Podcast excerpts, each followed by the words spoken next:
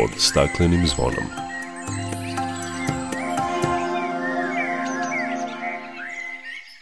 Dobar dan, dobrodošli na Zeleni talas prvog programa radija Radio Televizije Vojvodine. Ja sam Dragana Ratković. Zagađenost vazduha nije novost, ali poslednjih nekoliko godina taj problem je sve izraženiji. Čućete šta utiče na kvalitet vazduha u Kanjiži koji se više uznamirava građane ove opštine. Boljom kvalitetu vazduha doprinosi pošumljavanje i ozelenjavanje. Govorit ćemo o sadnji drveća u Kikindi, na obali Tise kod Sente, o tome kako su Bačkopalančani zaustavili seču u staroj polojskoj šumi, ali i planovima za prolećnu sadnju hrasta na području te opštine. Biće reči i o blagom oporavku orla krstaša, kritično ugrožene vrste koja krasi nacionalni grb, ali i opasnostima zbog kojih stradaju ptice. O prvim vesnicima proleća, dolasku prvih roda u Taraš, kao i o brojanju cvetova šafranjike u Subotičko-Horgoškoj peščari, izuzetno redke biljne vrste, čija se brojnost, zahvaljujući merama zaštite, svake godine povećava.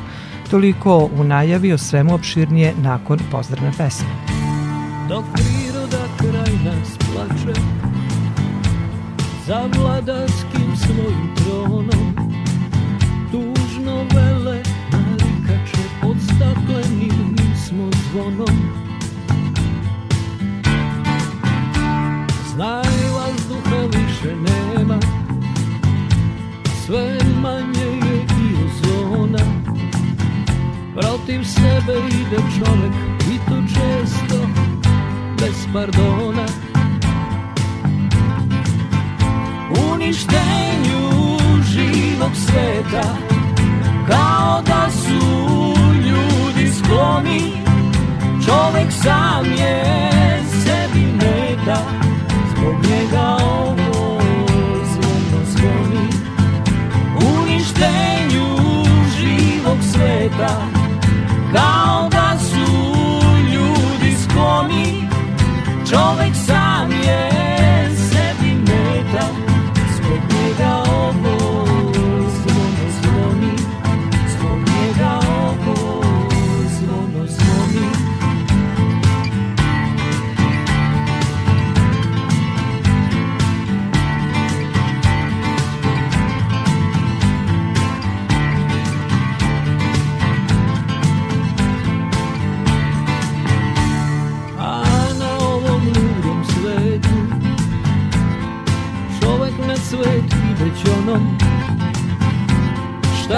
Šta nudimo to detetu Pod staklenim kad smo zvonom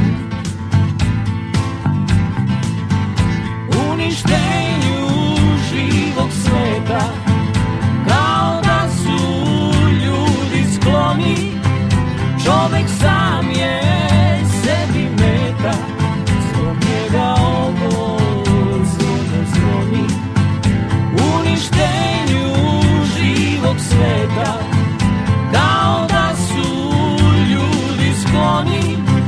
Człowiek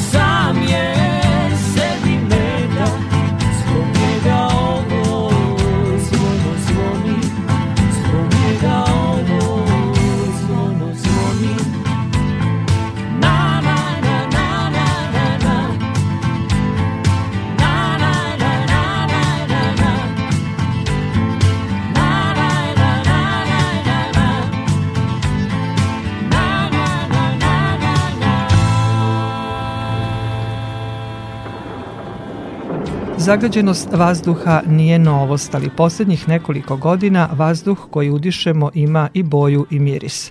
Zašto u poslednje vreme konstantno beležimo visok nivo zagađenosti?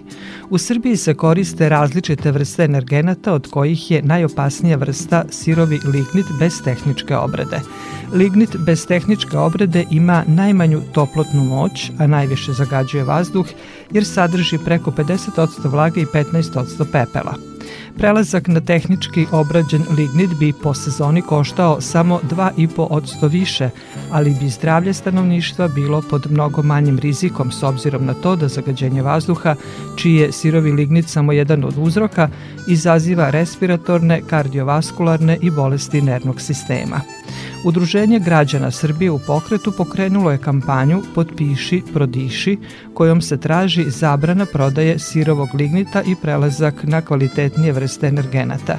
Jedan od glavnih ciljeva kampanje je pokretanje narodne inicijative i prikupljanje 30.000 potpisa građana kako bi se predlog zakona direktno uručio Narodnoj skupštini Republike Srbije. Problem sa zagađenim vazduhom imaju i u Kanjiži.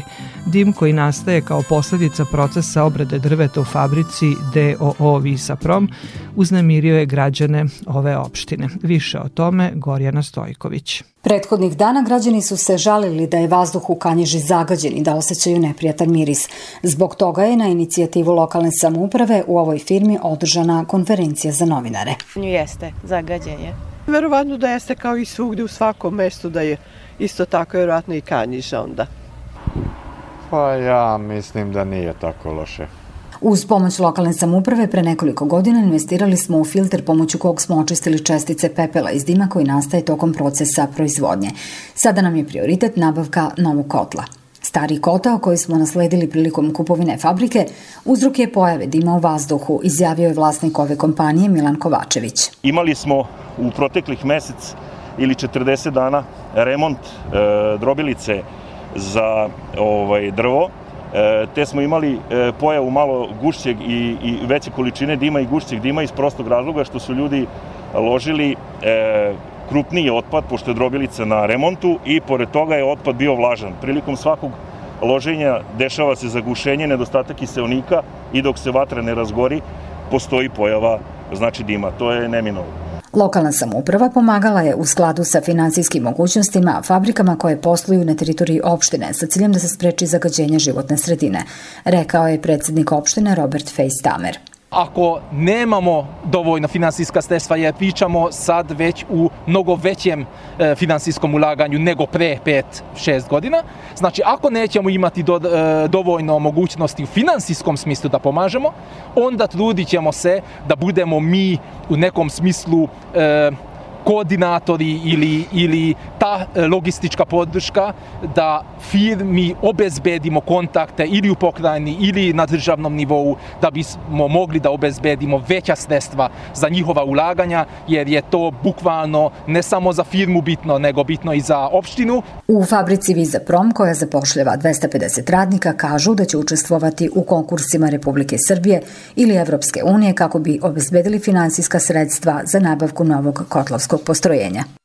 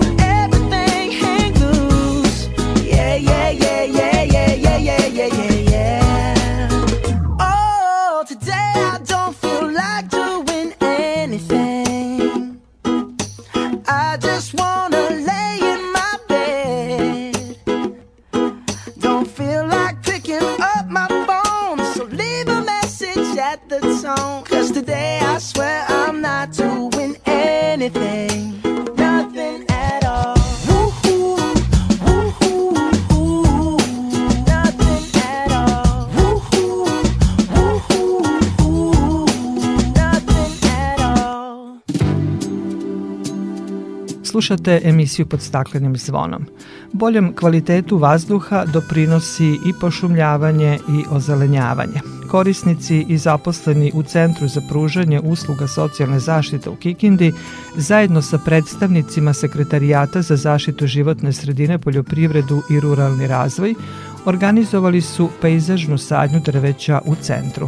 Tako je nastavljena sadnja šumskog drveća na teritoriji grada Kikinde, o kojem nam javlja Branislav Ugrinov. Korisnici Centra za pružanje usluga socijalne zaštite u Kikindi zasadili su dvadesetak šumskih sadnica u svom dvorištu i na taj način nastavili veliku akciju pošumljavanja Kikinde, koju sprovodi gradska uprava u Kikindi, kao i Sekretarijat za zaštitu životne sredine, poljoprivredu i ruralni razvoj. Evo tim povodom izjavila Cecilija Šajber, direktorka Centra za pružanje usluga socijalne zaštite. Ono što je nama jako značajno je da naši korisnici nekako budu u kontaktu sa svim aspektima onoga što čini gradski život, pa i ovo uređenje prostora u kome oni borave. Naravno, svi smo se uključili, jako nam je drago. Ovo je prostor u kome mi boravimo, koga stvarno e, jako cenimo jer je prelep i ovo je samo momena da ga još malo ulepšamo. Tokom akcije sadnje parterno je uređeno dvorište samo kompleksa, a pored sadnje održana je edukacija na temu važnosti sadnje drveća.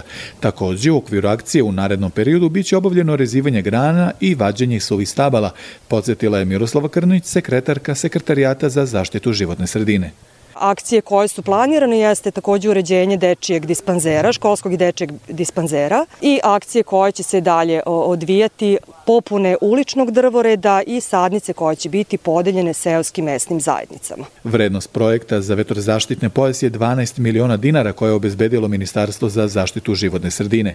Inače, Centar za pruženje usluga socijalne zaštite trenutno pohađa 11 korisnika od ukupno 33 koliko je na spisku, ali zbog trenutne epidemijske situacije nisu mogućnosti da svi borave u centru.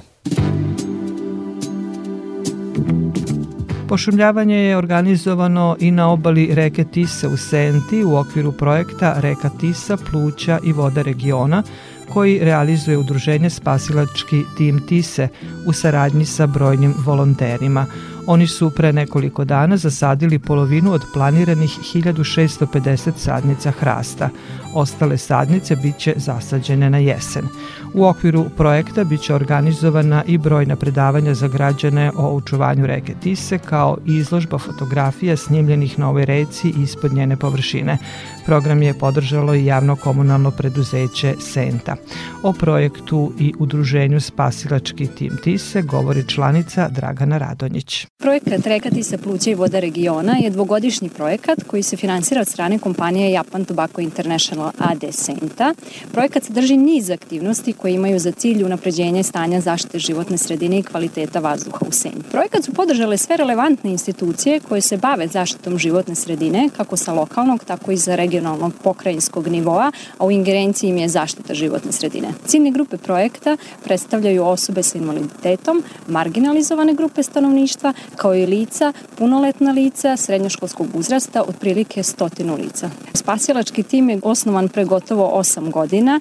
Cilj uspostavljanja ovakvog jednog tima je bila prepoznata potreba da se zaštiti sama reka Tisa i da se unapredi stanje životne sredine. Ono što je važno, moramo da kažemo da ključni cilj ovog udruženja jeste da zaštitimo reku Tisu. Posjedujemo sertifikovane ronioce spasioce koje pored zaštite životne sredine imaju za cilj ispašavanje ljudskih života na reci, pored reke i u reci. Minulim dosadašnjim radom i projektima i aktivnostima koje smo do sada realizovali, dokazali smo da jedno malo lokalno udruženje može da preraste u sasvim ozbiljan spasilački tim regionalnog karaktera.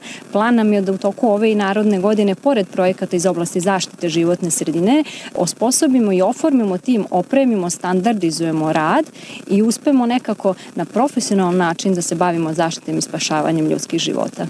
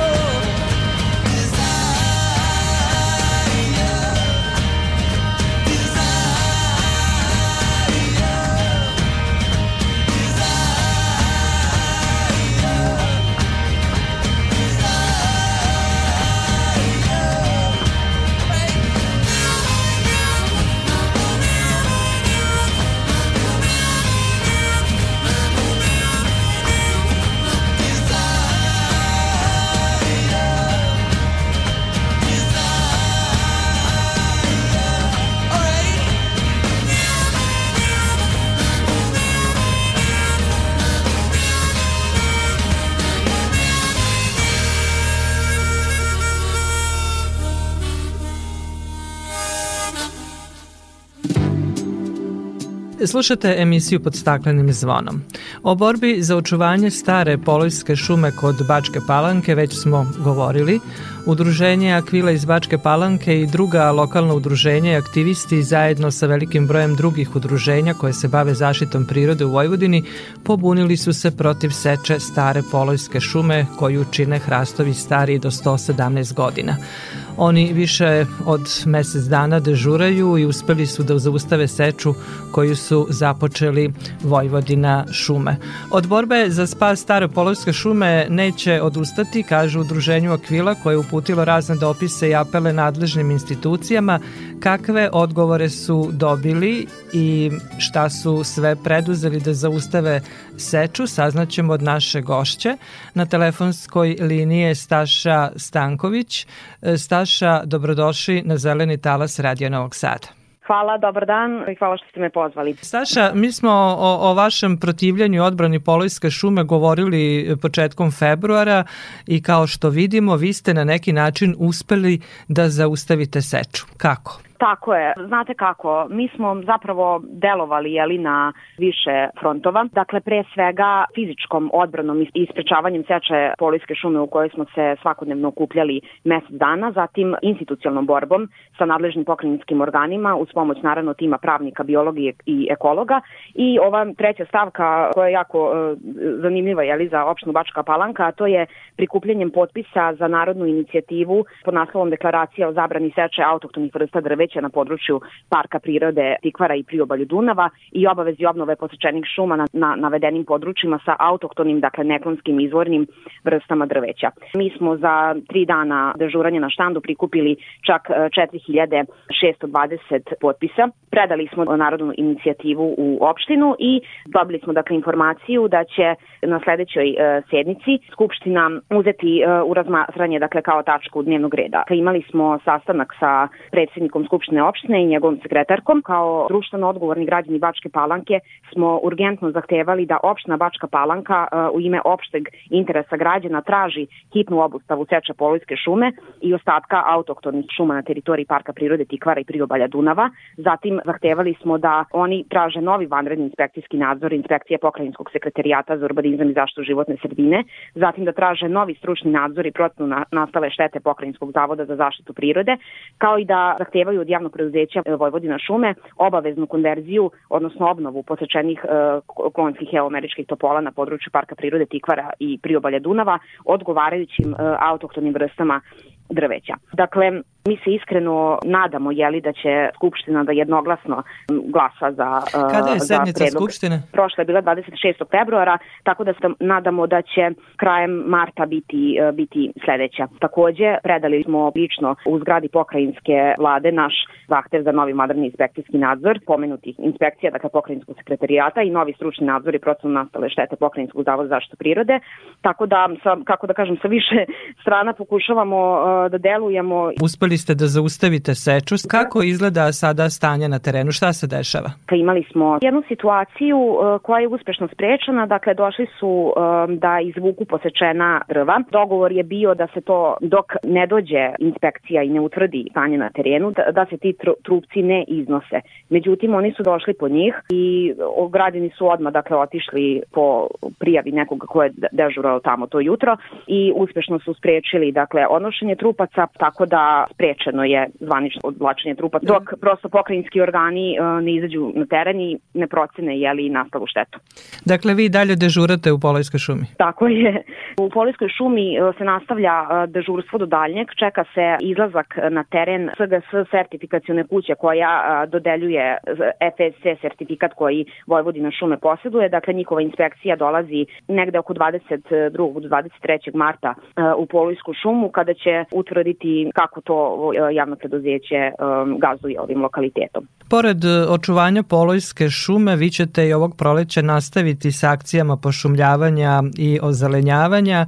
Imali ste akciju sadnje u decembru za Sadi svoj hlad o kojoj smo takođe govorili, ali ovog proleća nastavljate sadnju hrasta. Tako je, tako je. To je dakle preko festivala ekološkog pozorišta za decu i mlade koji sarađuje sa udruženjem Akvila i s obzirom da ove godine 27. rođendan festivala ekološkog pozorišta za decu i mlade koji će zapravo pod sloganom poglavlje 27 da bude održan od 19. 22. augusta u Bačkoj Palanci. PEP um, je dobio donaciju dakle da donira svojim sugrađanima uh, pet osadnica hrasta lužnjaka Dakle, nakon jeli prethodno održane akcije Posadi svoj klad, Zeleni razvojni centar je prosto prepoznao kontinuiranu borbu za zaštitu životne sredine Bačko Palančana i odlučili su dakle i da ovaj put obezbede sadnice za nas. Takođe se akciji e, priključio i pokret Gorana Sombor, inspirisan jeli borbom e, udruženja e, Akvila, tako da su donirali 100 sadnica hrasta lužnjaka i udruženja Akvila. Ovom prilikom bi napomenula da će se akcija e, održati uz podršku e, kompanije e, Eco Forestry, dakle uz njihove stručnjake koji će pokazati kako se pravilno sadi i održava. Takođe od njih smo dobili i donaciju tubek cevi za zaštitu sadnica. Da li znate lokacije već gde ćete obaviti sadnju?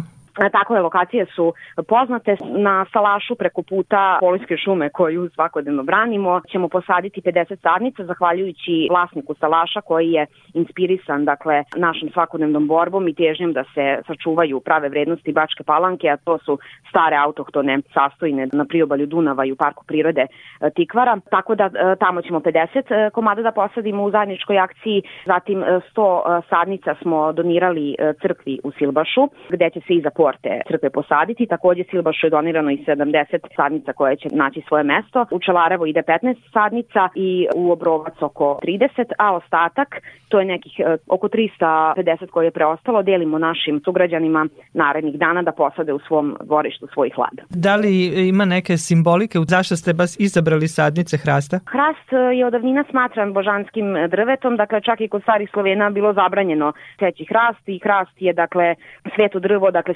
simbolizuje snagu, zaštitu, otpornost, istinu čoveka i ljudsko telo i recimo u Polojskoj šumi svake godine za badnjak ljudi dolaze po, po svoj badnjak, tako da je na neki način i kada je seča Polojske šume otpočela, povređene su religijsko-verska osjećanja kod ljudi koji su svake godine dolazili dakle po svoje hrastove i generalno mislim kod građana Bačke, Bačke Palanke koji su u Polojskoj šumi pronalazili svoju duhovno-rekreativnu oazu, dakle pored toga što je Polojska šuma stanište, dakle brojnih zaštićenih i strogo zaštićenih vrsta. Što se tiče odluke da se baš hrast lužnjak e, sadi, nije bila naša odluka, nego s obzirom da, da je naša borba e, prepoznata, Zeleni razvojni centar i pokret Gorana Vojvodine su sami predložili da nam doniraju e, hrast lužnjak da pošumimo opštinu Bačka Palanka. Dakle, ove godine sadnja, a za koju godinu će Bačko Palančani uživati u hladovini ovih sadnica hrasta lužnjaka koje će zasaditi i koji će naravno, sigurna sam, braniti od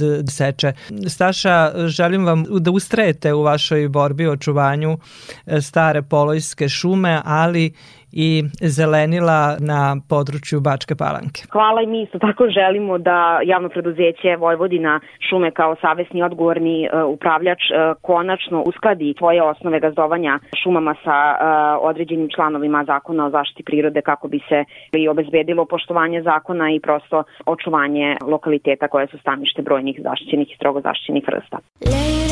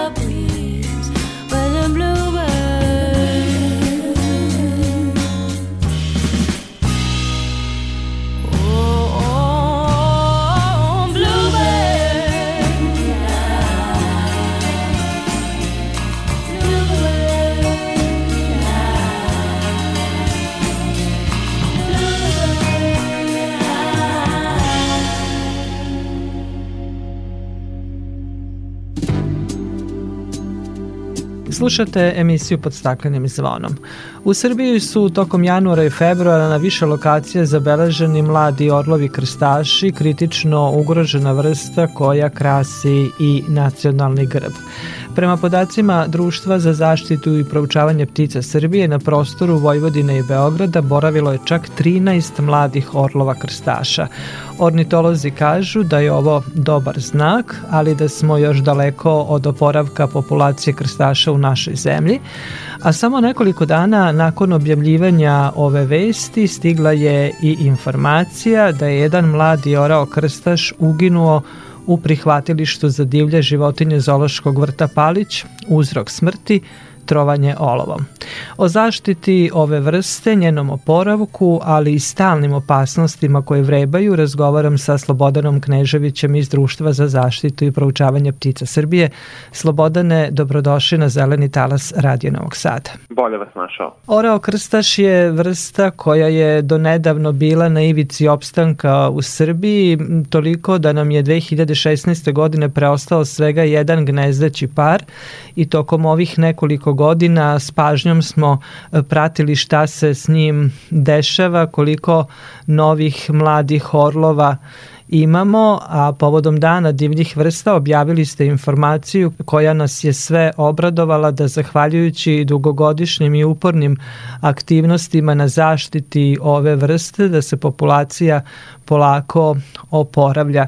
Tako je tokom januara i februara ove godine širom Vojvodine i okolini Beograda zabeleženo čak 13 mladih orlova krstaša. Da, to je zaista ohrabrujuće. Do tih podataka smo došli u okviru cenzusa, odnosno prebrojavanja ptica grabljivica u Panonskoj nizi i ta brojka za krstaše, evo vidjet ćemo, nadamo se, srećna brojka, će dati svoje rezultate. Bora Jeržika, popularan mešoviti bračni par orlova krstaša sa severa Banata, od 2016. zaista pomno ih pratimo, ali evo od nedavno oni imaju i još dva para koje se gnezde u njihovoj blizini, tako da su sada trenutno u Srbiji se gnezdi tri para orlova krstaša. Ovih 13 jedinki, da našim slušalcima bude jasno zašto i njih ne ubrajamo u, u te parove ili u jedinke koje se računaju da ih ima u Srbiji, zato što su to mlade jedinke i one su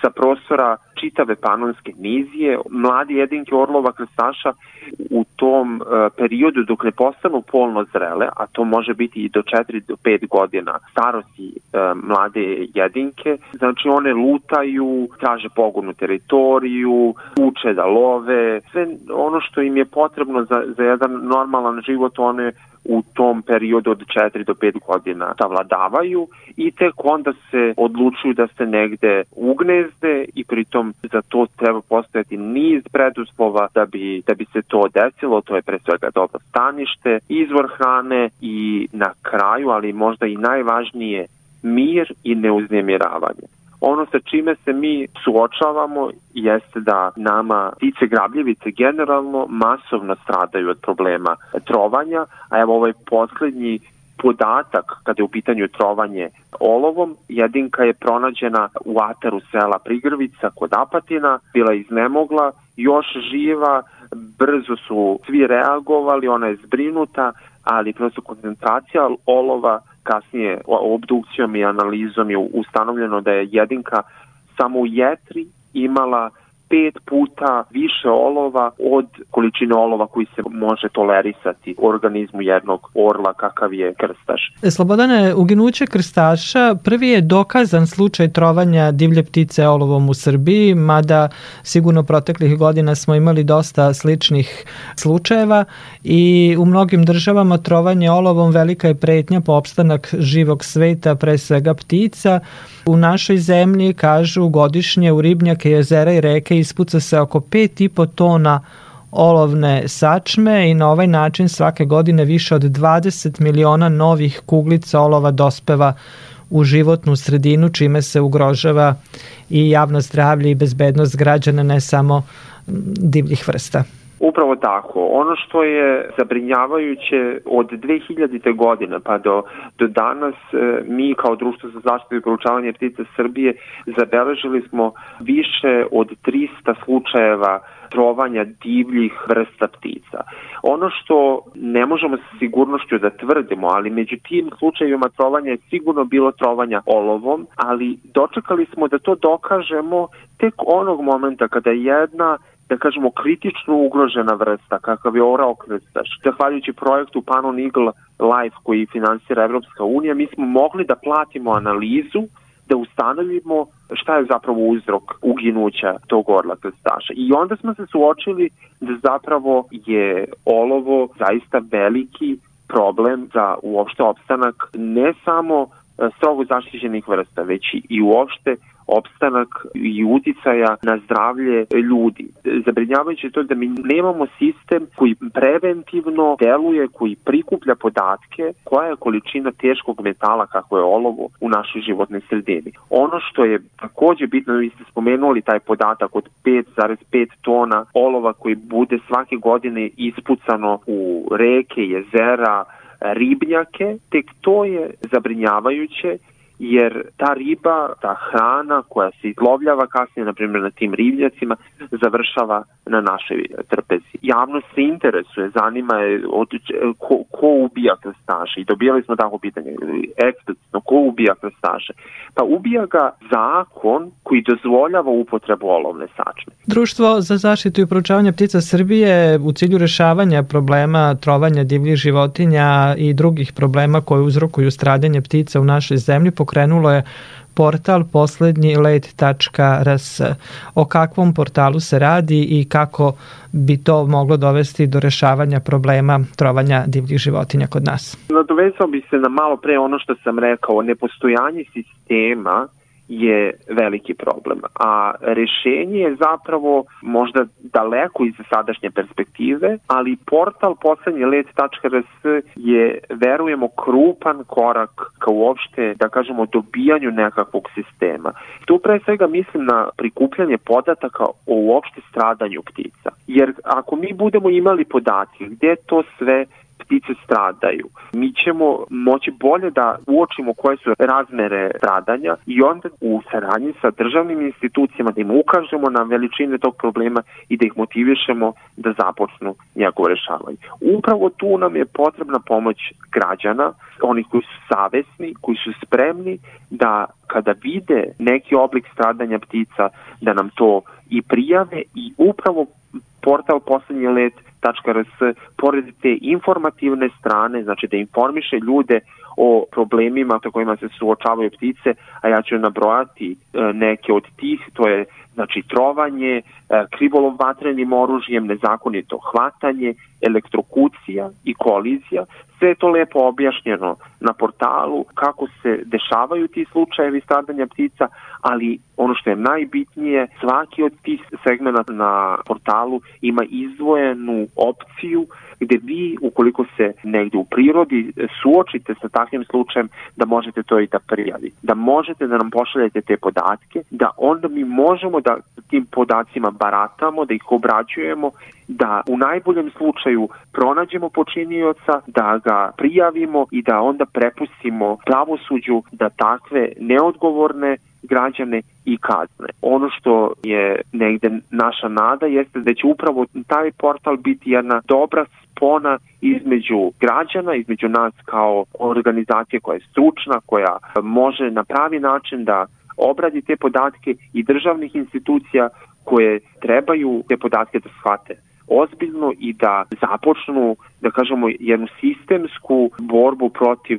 uništavanja ptica, ali evo videli smo iz ovog slučaja kada je olovo u pitanju, ne radi se samo o pticama i o, o, o jednoj ugroženoj vrsti, ovde se radi uopšte kvalitetu prirode, kvalitetu životne sredine u kojoj živimo i od koje uopšte očekujemo sobstveni opstanak. Tako da mnogo je širi problem od e, pitanja jedne napaćene vrste. Da, mnogo je širi problem jer se zapravo radi o ugrožavanju i javnog zdravlja i bezbednosti građana. Slobodane, hvala lepo za razgovor. Nadam se da će građani koji u poslednjih nekoliko godina zaista sarađuju sa Društvom za zaštitu i proučavanje ptica i prijavljuju slučajeve stradanja ptica to uraditi i preko portala poslednji let.rs i da ćemo na taj način doprineti rešavanju problema trovanja kretanja divljih životinja kod nas, a da će ovo biti, nadamo se, poslednji slučaj trovanja krstaša u našoj zemlji, populacije koja je se tek počela na neki način oporavljati kod nas. Hvala vama.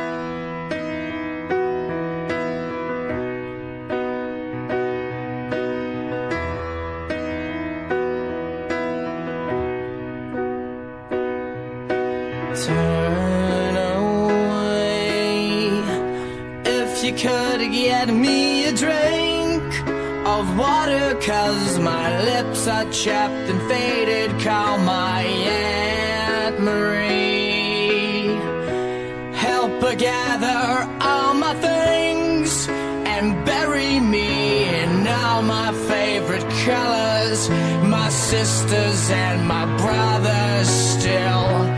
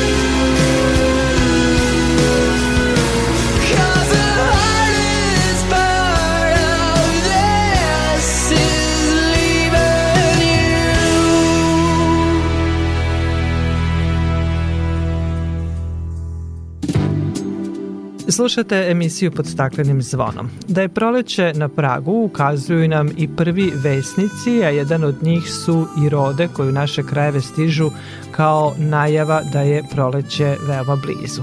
Pre nekoliko dana u Taraš, evropsko selo roda, stigle su i prve rode. I ove godine mužjak Bele rode prvo je kome su meštani dali i ime stigao je prvi. Zašto rode vole Taraš i kako meštani brinu o svojim rodama čućemo od Aleksandre Marovac-Cucić iz udruženja Taraške rode. Aleksandra, dobrodošli na Zeleni talas Radija Novog Sada. Hvala vam, bolje vas našli. U Taraš, evropsko selo roda, stigle su i prve rode. To je da. za vas i meštane Taraša sigurno lep i uzbudljiv događaj. Pa jeste, ovaj, ove godine smo imali malu nedoumicu, pošto prvi put je uslikana jedna druga roda koja je dobila ime Nemanja kada smo imali popis roda 2018. kada smo vršili sa decom, pa tada smo imenovali naše rode. A malo kasnije, par sati potom nam je gospodje ispred kuće prvojevog gnezda javila da on stigao još jutros rano, negde malo pre 8, ali ona im nije bila stigla da ga slika. I tako da smo dobili potvrdu da ipak prvo je prvi stigao, ali moja to saputnika ove godine ovaj drugara, inače to je moj komšija prvog gnezo sa rodom do njega. Tako da smo rešili da ipak ostane, prvo je naš šampion, eto devetu godinu za redom. S obzirom da smo imali blagu zimu, da li je neka roda odlučila da prezimi u Tarašu, da li je neka zaostala? Ne, ne, nismo imali slučajeva ovde kod nas tako da, da zabeležimo da su, da su ostajale. Bila jedne godine su ostale do septembra, ali nisu nikada ovaj, prezimile celu zimu, ne. Sada imamo tri rode, isto jedan treći mužjak je dobio ime Joca, ako je možda interesantno da kažem, devojčice Sara i Anđela, i na čije kući on je napravio prošle godine, to je najmlađe gnezdo. On su odlučili da mu daju to ime, pošto par dana pre njega su dobili Seku Jovanu i onda su odlučili simbolično ime ovaj, Joca da daju o, Rodanu koji je tu došao. Svake godine priređujete im doček, da li ste i ove godine priredili doček i obeležili dolazak prvih roda? Jesmo, jesmo, naravno. To je sad malo skromnije zbog ove situacije zbog virusa, ali sa decom smo to obeležili, naše lokalne škole Svetozar Marković Toza.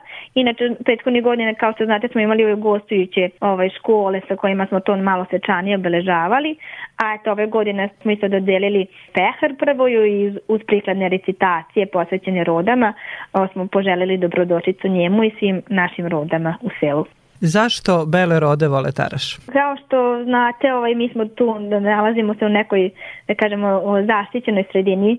Imamo uh, specijalni rezervat Kanjbaru koji se tu nalazi, potiski ritovi su tu, da kažemo, obilje hrane najviše njima pogoduje, vlažna staništa, bare, upravo ta bara Rogodara koja se nekad bila bara, sad je to vlažna livada, im pogoduje, gneza su vrlo blizu hranidbenog područja a da kažemo i meštani ih vole verovatno i, i to ima sve, sve ovaj, utice na to da su rešile da se tako gnezde u velikom broju tu Tarašu. Koliko ste prošle godine imali gnezda? Prošle godine smo obeležili 30 parova koje su se gnezila u Tarašu, one tamo 28, sad polako ovaj, da kažemo se vraća taj veći broj gnezećih parova Konkretno ne znamo šta je, šta je uticaj na to da neke, neke godine ima više manje, ali znamo i svi da i one usput stradaju, da ih je da ih i, i da kažemo i taj ilegalan lov koji se dešava u tim islamskim zemljama i sve to verovatno ima uticaja na, na, na variranje populacije, ali eto da kažemo tu je uvek negde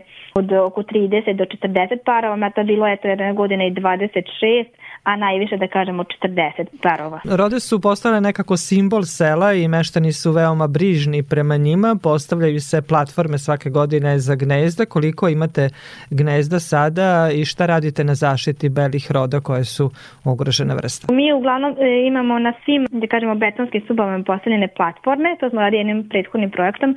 Sad ovim e, dočekom roda smo isto postavili jednu platformu, to je bilo u pitanju gnezdo koje je postojalo sve do prošle godine kada je bilo obrušeno od starosti, tu nisu se bile prvi put gnezdile i sad smo im e, dali platformu sa nešto granja da im malo pomognemo da se tu vrate.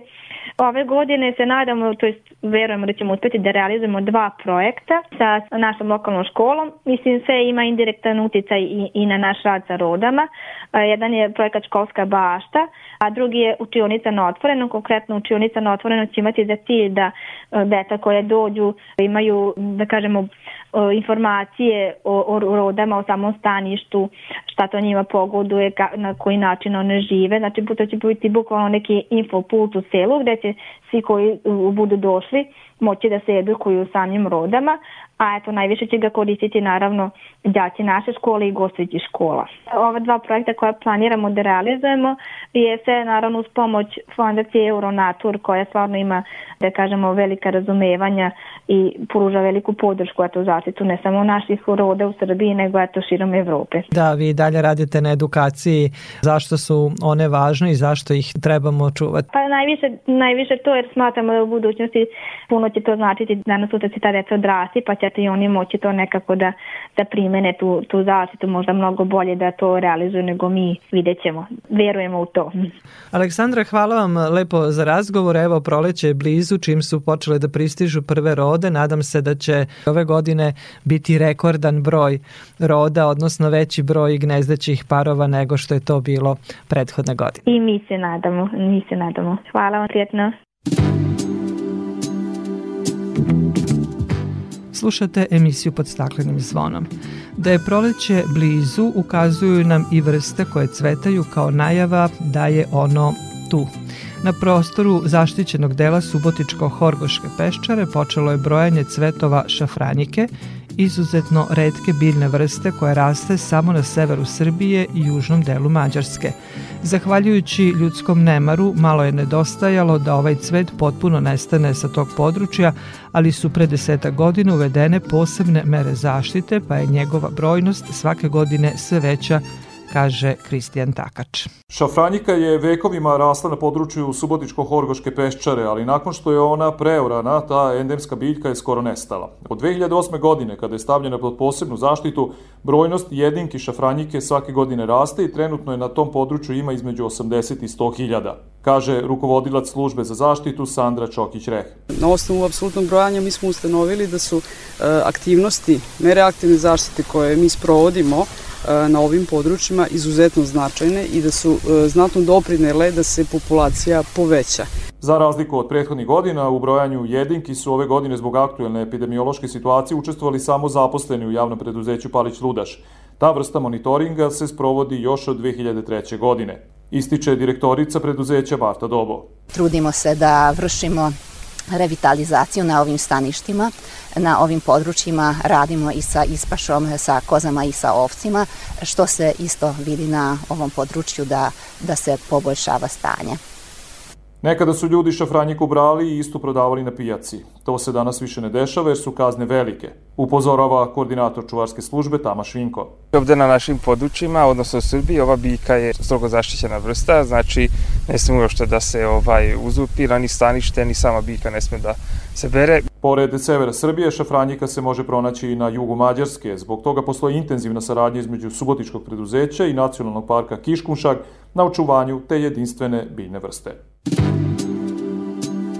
Toliko u ovo nedeljnom izdanju emisije pod staklenim zvonom koju možete slušati i odloženo na podcastu Radio Televizije Vojvodine na adresi rtv.rs.